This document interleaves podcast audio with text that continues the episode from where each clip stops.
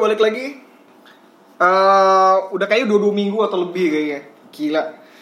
Sorry banget gue nggak update soalnya ya kalau misalnya ngomongin pasti sibuk lah. Cuman ya sebenarnya bukan bukan gara-gara sibuk juga sih karena emang lupa lupa benar-benar lupa bahwa untuk update lagi.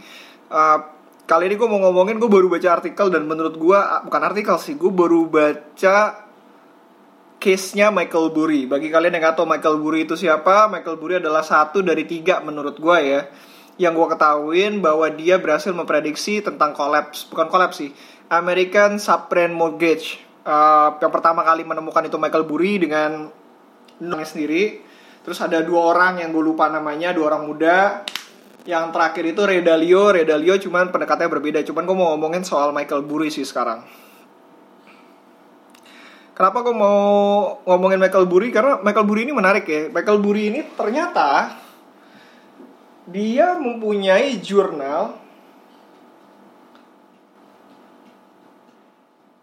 Sebentar gue cari dulu. Uh, dia mempunyai jurnal tentang bagaimana cara dia berinvestasi. Sayangnya jurnalnya jurnal lama dari tahun 2000-2001. Jadi dia mendokumentasikan kenapa gue membeli, kenapa gue menjual, kenapa gue shorting dan bagaimana cara gue shorting dan bagaimana cara gue berpikir ya. Jadi itu yang menarik sih.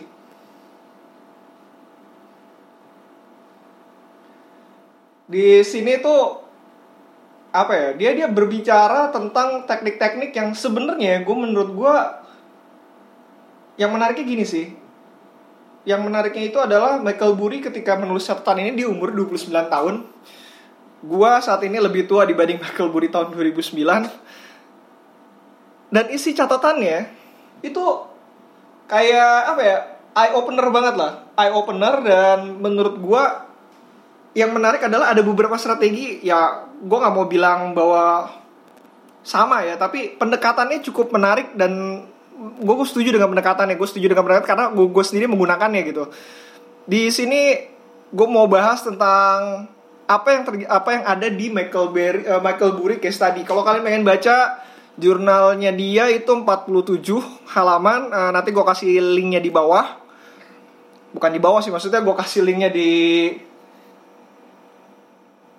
uh, podcast ini. Jadi yang pertama mesti lu lihat pertama adalah strategi yang dia pilih. Ini yang paling menarik gitu.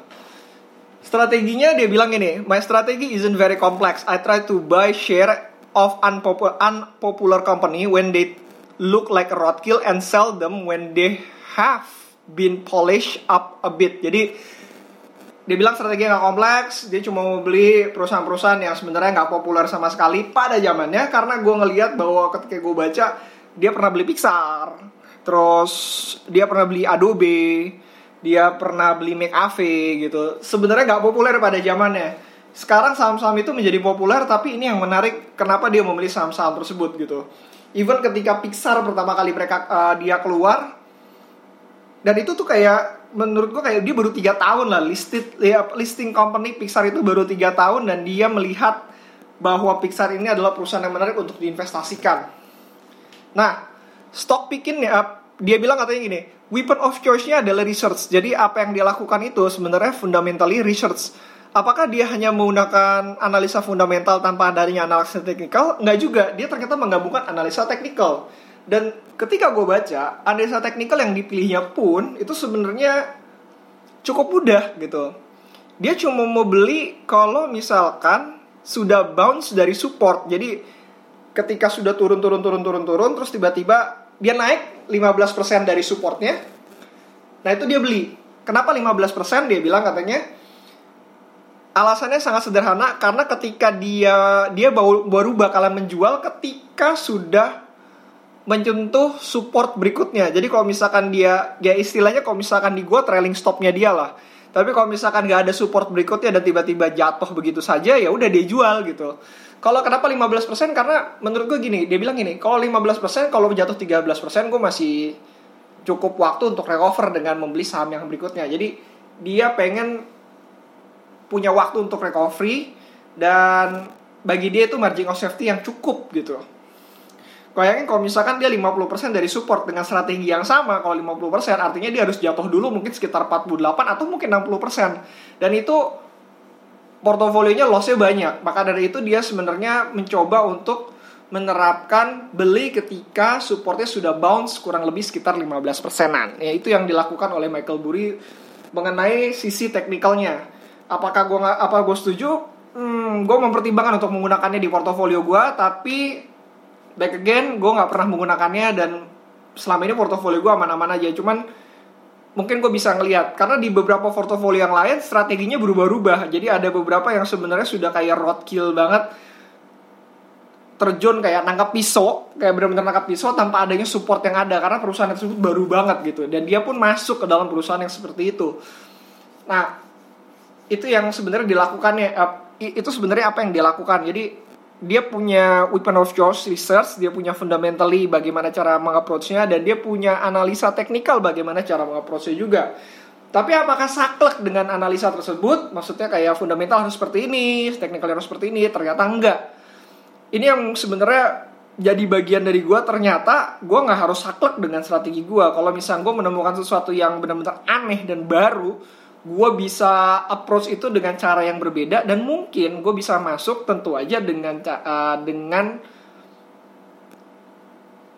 resiko risk and reward yang cukup jadi kayak ya udahlah kalau misalkan emang gue ini barang baru dan gue harus masuk uh, menurut gue masuk jadi jangan semua portofolio gue nah Burry sendiri dia membatasi portofolionya hanya di 8 sekitar 18 saham.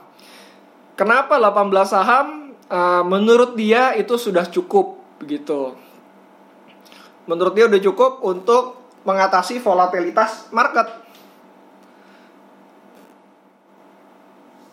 Nah, apakah harus diversifikasi terhadap ini? Hmm, balik lagi itu kayak balik ke masing-masing tiap orang sih.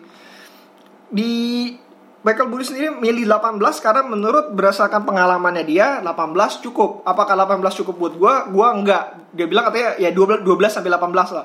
Untuk gue sendiri, gue bisa hold untuk 1 sampai 3 jenis saham aja dan menurut gue itu udah cukup. Menariknya, Michael Burry sendiri tidak menyimpan kas, jadi fully invested. Selalu fully invested dan duitnya nggak pernah bersisa untuk dalam bentuk kas. Ini berdasarkan apa yang disebut, uh, oh sorry, di, dibilang di case-nya. Uh, balik, gue mau ngomongin bahwa strategi ini nggak saklek harus kalian ikutin, nggak saklek juga harus gue ikutin. Tapi strategi ini sebenarnya basic dari Michael Burry kenapa pengen banget uh, diversifikasi 12 sampai 18 dan harus fully invested dan harus diversifikasi antara cyclical non cyclical berapa uh, kapan belinya dan bagaimana ininya karena rules di dia adalah dia pengen menghilangkan stres yang ada. Jadi dengan strategi yang ada, dia pengen stresnya dia paling sedikit. Itu adalah bagaimana cara dia mengapproach market hampir sama dengan gue gue pengen stres gue dikit artinya gue pelajarin company-nya sebaik mungkin dan gue invest sebag uh, invest yang gue bisa sehingga gue punya stres yang minimal dengan volatilitas yang ada. Dan itu yang harus ditekankan bahwa strategi ini bisa aja strategi gue lo aku pemakai buri itu bisa saja berbeda. Tapi yang ditekankan adalah minimal kita harus happy dengan apa yang kita lakukan gitu Nah, Michael Burry sendiri tidak membatasinya di, dirinya tentang menggunakan apakah uh, investasi gue harus growth stock, harus menggunakan Graham atau Sigarbat atau apa pun gitu. Di sini gue ngelihat bahwa dia bener-bener kayak mix mix antara beberapa ini. Dia bisa main di asset play, bisa dia bisa ngomongin di arbitrage opportunity, terus ada bilang uh, dia bisa membeli perusahaan di bawah nilai working capitalnya atau disebutnya dia nyebutnya adalah net value. Berarti net working capital dikurangin sama liabilitas yang ada. Ini gue sempat gue cek di Bloomberg dan ternyata di Indonesia ada perusahaan yang ternyata dijual lebih rendah dibanding working capitalnya. Idenya sebenarnya gue ngelihat dari screener ini adalah ngomongin tentang bahwa kalau lo beli perusahaan untuk mengoperasikan perusahaan tersebut butuh sejumlah uang atau uh, butuh sejumlah uang dan aset. Nah, uang yang dikurangi liabilities tersebut itu adalah working capital. Kalau dia misalkan dijual di bawah working capital, artinya lo sebenarnya membeli mesin di bawah harga harga value-nya. Permasalahannya ini baru melihat satu sisi aja, satu sisi di mana itu hanya mesinnya saja. Mengenai produktivitas mesin tersebut, apakah mesin tersebut bisa bertumbuh ataupun seberapa bagus mesinnya itu adalah concern yang lain. Jadi bisa beli barang murah tapi mungkin tidak berproduksi dengan baik. And then again itu balik lagi Michael Burry ada beberapa yang dia investasi di perusahaan-perusahaan yang seperti ini. Terus uh, dia nggak membatasi dirinya seperti Warren Buffett bahwa nggak gue nggak mau usah teknologikal. Nggak. Selama dia bisa paham tentang teknologinya, ah bukan sorry, dia bisa paham tentang perusahaannya, dia mau masuk Terus kalaupun emang perusahaan itu benar-benar bagus untuk jangka panjang ya gue bakalan masuk untuk dalam jangka panjang dan mungkin mungkin let's again dia tidak melihat lagi analisa teknikalnya. Nah, itu yang gue pelajarin dari Michael Burry bahwa pertama lo mesti punya investment strategi yang benar-benar cocok tentang diri lo. Untuk gue sendiri investasi, strategi yang gue lakukan itu benar-benar cocok banget buat gue kenapa gue less stress dan gue bisa melakukan banyak hal lagi di luar tentang setelah investasi gue fully invested gitu. Kedua, uh, ini klasik sih invest to invest in what you know gitu. Investasilah di sebuah perusahaan yang benar-benar lo mengerti tentang bagaimana luar dalamnya. Kalau misalnya kalian benar-benar mau baca di case-nya, benar-benar dia mengerti tentang bagaimana Adobe itu beroperasi, bagaimana uh, Pixar itu beroperasi. Ingat loh ini zaman ketika waktu itu hanya ada Toy Story 1 dan Toy Story 2 baru mau keluar tahun tersebut. Jadi Toy Story baru 2 tahun yang lalu Toy Story 1 keluar, Toy Story 2 baru mau keluar dan uh, dia sudah investasi di Pixar gitu. Nah, itu yang kedua. Yang ketiga, always keep learning. Jadi di buku dalam dalam case ini sebenarnya gue ngelihat ada beberapa yang benar-benar baru terminologi dalam dunia finance itu nggak itu sangat saklek lah gitu. Dia benar-benar keluar dari terminologi finance yang ada. Contoh seperti ngomongin si ini deh. Charlie Munger, Charlie Munger nggak suka banget dengan EV per EBITDA dan gue udah pernah ngomong ini di podcast sebelumnya di mana EV per EBITDA itu sebenarnya itu busuk banget. Kenapa? EBITDA balik lagi tax lu bayar, depreciation, amortisasi mungkin ini depresiasi lu harus beli lagi, uh, lu harus beli lagi mesin untuk produksinya tersebut. Jadi liabilitas yang dikurangin itu sebenarnya tidak mencerminkan apa-apa. Itu EBITDA menurut gue balik lagi gue udah ngomong EBITDA adalah proxy dari cash flow. Kalau kalian punya data cash flow-nya akan lebih baik kalau kalian menggunakan cash flow from operation-nya. EV per EBITDA Michael Buri pakai gua enggak dan Charlie Munger enggak. Apakah salah? Enggak juga. Dia bisa approach itu dan menurut gue juga bisa benar. Tapi yang menarik di sini misalnya contohnya dia nggak pernah suka dengan DER. Debt equity ratio tidak mencerminkan apa-apa dan gue baru sadar bahwa beneran debt equity ratio tidak mencerminkan apa-apa. Hanya mencerminkan bahwa gue punya duit 10, setelah itu gue punya utang 100. DER-nya berarti 10, tapi tidak mencerminkan apa-apa. Dia lebih menggunakan yang namanya equity to asset. Ini menarik. Equity to asset itu adalah ngomongin tentang berapa uang kas yang berubah menjadi aset gitu. Kalau misal equity to asetnya misalkan 20%, equity to asetnya 20%, artinya gue menggunakan 20% ekuitas gue untuk jadi aset dan 80% menggunakan hutang gitu. Nah, paling bagus adalah gimana debt equity asetnya ya 100%. 100% artinya lu fully menggunakan ekuitas lu aja gitu. Apakah itu buruk? Tapi apakah uh, balik lagi debt itu buruk atau enggak itu balik lagi ke lo tapi di sini benar-benar mencerminkan bagaimana cara proporsi dari akuntansinya benar-benar mencerminkan akuntansinya literally mencerminkan akuntansi itu sendiri bahwa aset sama dengan liabilitas plus ekuitas dan itu baru bisa uh, bisa make sense bagi gue kayak kalau misalkan DER 5 artinya apaan sih gitu? DER 6 tuh artinya apaan sih? Sebenarnya itu sulit untuk membayangkan ya. Sekarang ketika lu ngomongin tentang equity to asset oh ternyata 20% dari ekuitas. Dan itu lu uh, langsung nyambung gitu. Itu itu yang menarik.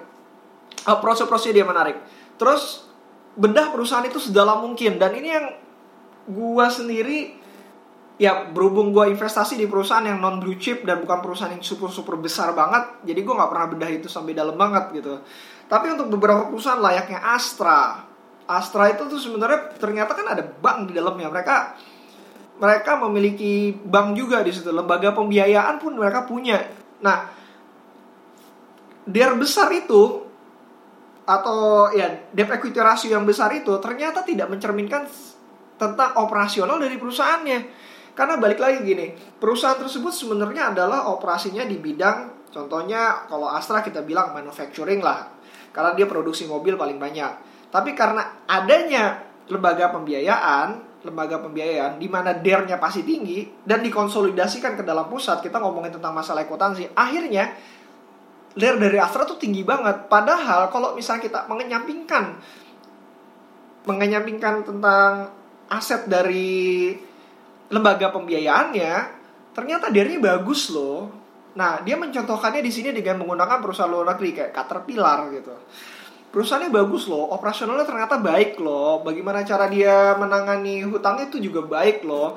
Nah, itu yang terjadi dan akhirnya gue baru paham uh, ketika membaca ini adalah kenapa banyak-banyak banget perusahaan yang udah konglomerasi besar-besar itu hutangnya tinggi-tinggi gitu sampai tiga kali lah, empat kali lah dan banyak banget orang yang mau beli.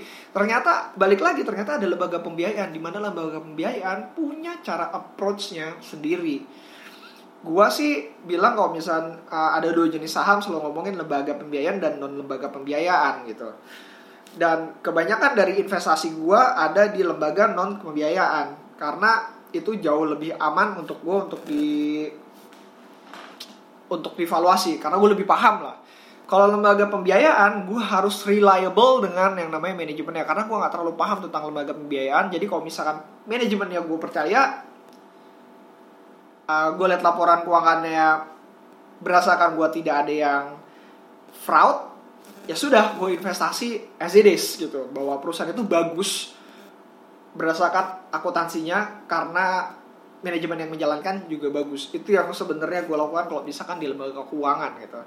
Sulit. Sulit sekali menurut gue tapi ini bakal kita obrolin di podcast yang berikutnya lagi lah ya mungkin ya tentang lembaga lembaga pembiayaan. Uh, that's it. Itu tentang Michael Burry. Uh, tiga hal tadi gue ulangin lagi kalau misalkan ini ya sekalian gue juga nginget-nginget. Uh, pertama invest in what you know ini sebenarnya yang kedua. Uh, terus berikutnya lagi adalah look keep learning always keep learning. Terus ketiga, uh, build your own investment thesis. Lo mesti punya investment thesis bagaimana cara lo investasi. Uh, yang cocok bagi lo belum tentu cocok bagi gue. Yang cocok bagi gue juga belum cocok bagi lo. Tapi balik lagi kalian harus mempunyai investment thesis di mana uh, bukan investment thesis, so framework dalam berinvestasi di mana itu sebenarnya bakalan bisa digunakan hingga keluar dari pasar modal. Sekian dari gua, see you again next time. Mudah-mudahan gue bakalan update lebih banyak lagi sekarang. Uh, bye.